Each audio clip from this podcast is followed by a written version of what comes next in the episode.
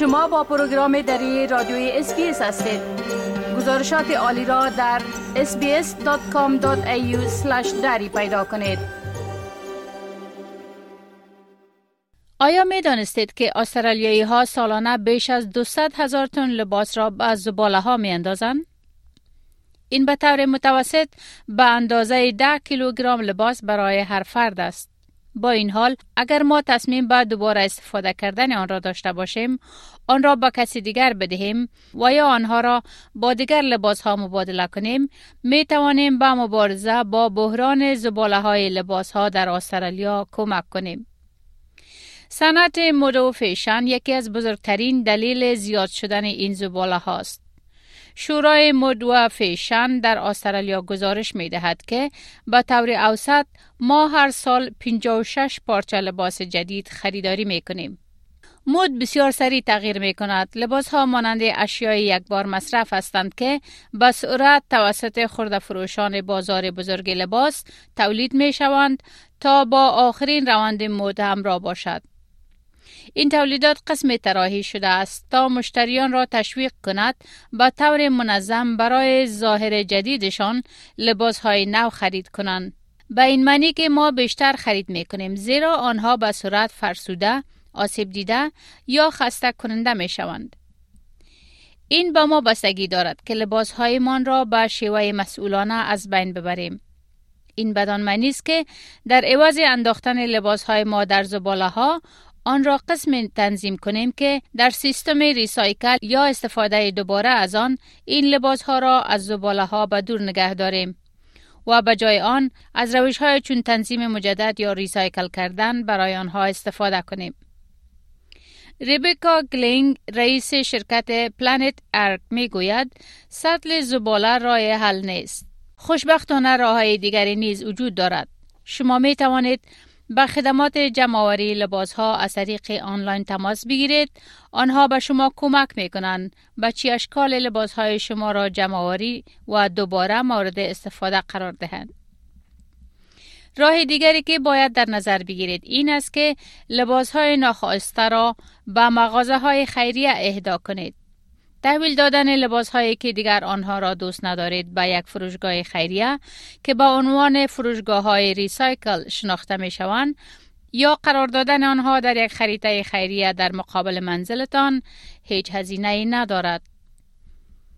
فروشگاه های اشیا و لباس های خیریه در سراسر استرالیا از درک فروشی این لباس ها سالانه تقریبا یک میلیارد دلار درآمد برای افراد نیازمند تولید می کنند. خانم گلینگ می گوید با این حال به همان اندازه که نیت ما خوب است ما باید مراقب باشیم که چی چیزی را به این مغازه های خیریه اهدا می کنیم. We don't want people to drop things at charity stores that really are unwearable or too worn or out of date because they then have to send them to landfill and that is a cost to them. Charity shops currently spend about $13 million a year disposing of unwanted clothing and items that are dropped off in their bins. And that's about 60,000 tonnes of materials that's going into landfill by, by that method. مغازه های استفاده دوباره یا op shop ها مانند Vinnies، Salvos، Lifeline، صلیب سرخ، نجات کودکان و برادران سنت لارنس در هر شهر و مناطق استرالیا موجود هستند. عمر سوکر هم به این مسئله تاکید می کند. او مسئول شرکت خیریه recycle در استرالیا است. او با یک روش ساده که ما می توانیم از آن برای فرستادن لباس های از کار رفته ما استفاده نماییم اشاره می کند. It's really important that the donations are of good quality. The way to gauge this is if you wouldn't give it to a friend, uh, please don't give it to charity. We can't accept anything that's torn, stained, or broken. So, again, if you are happy enough to give this donation or gift to a friend, we'd love to receive it in charity because we'll be able to find a good home for it. این واقعا مهم است که اشیایی را که دیگر استفاده نمی کنیم و آن را به مغازه های خیریه کمک می کنیم کیفیت خوب داشته باشد. اگر شما لازم نمی بینید که آن را به یک دوستتان بدهید لطفا آن را به مغازه های خیریه هم ندهید. ما نمی توانیم چیزی را که پاره شده، لکه دار شده و یا شکسته است بپذیریم. بنابراین اگر شما به اندازه کافی خوشحال هستید که این کمک یا هدیه را به یک دوستتان بدهید ما دوست داریم آن را به صورت خیریه از شما دریافت کنیم زیرا ما قادر خواهیم بود یک خانه خوب برای آن پیدا کنیم. اگر لباس های ناخواسته شما ارزش دادن آن به یک دوست شما را دارد پس آن را به مغازه های خیریه اهدا کنید. برخی از مغازه های خیریه دوست دارند لباس بود رویجایی لحاف و کمپل را نیز بپذیرند. ربکا کلینگ از اداره پلانت ارگ در این مورد می گوید H&M have a free recycling program in selected stores for all kinds of clothing and textiles in any condition. Similarly, Zara has a free textile collection program also in select stores.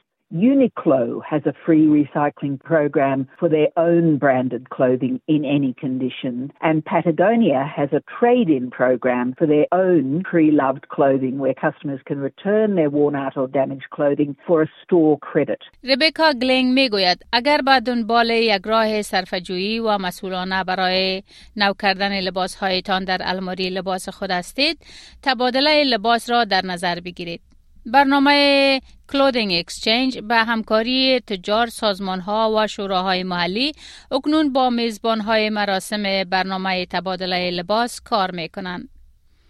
آدم ورلینگ مشاور شورای محلی در شهر سیدنی است. او می‌گوید برنامه تبادله لباس در حال حاضر یکی از موفق ترین راه های استفاده دوباره از لباس ها می باشد. این لباس ها دارای کیفیت بسیار خوب و قابل استفاده است و اکثرا لباس های است که شما دیگر آنها را دوست ندارید.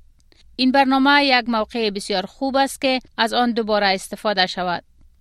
معلومات در مورد کلودینگ اکسچنج را به آدرس clothingexchange.com.au دریافت می توانید. The clothes swap that we're currently doing with the clothing exchange here in Sydney is a fantastic opportunity for people to bring in clothing that may not fit them anymore or they might have just fallen out of love with it. And then there's this opportunity for you to put it on display and then other people do exactly the same thing and you get to swap. So it could be as simple as bringing in five pieces of clothing and then you can swap those five pieces for another five pieces. همچنین مهم است که مدت استفاده لباس خود را نیز در نظر بگیریم. این بدین معنی است که اقلام را که واقعا با نیاز دارید بخرید. آنها را تا دیر زمانی نگه دارید. آنها را ترمیم کنید و زمانی که دیگر آنها را نمی خواهید آن را به مغازه های خیریه اهدا کنید تا از آن استفاده بهتر صورت گیرد. اگر کیفیت لباس هایتان خوب است برای آنها یک راه مناسب استفاده دوباره به صورت مناسب پیدا کنید و مطمئن باشید که لباس هایتان را مسئولانه اهدا می کنید. What that means for clothes is buy the items that you really need, make them last, repair them, and when it's time to let go of them, donate them to charity so they can find another home if they're in good condition, or if they're in bad condition or need to be disposed of, find an appropriate channel. So it's really about being a good steward for products, taking care of your clothes, and then um, making sure that you're donating them responsibly. بپسندید، شریک سازید و نظر دهید. اسپیس دری را در فیسبوک تعقیب کنید.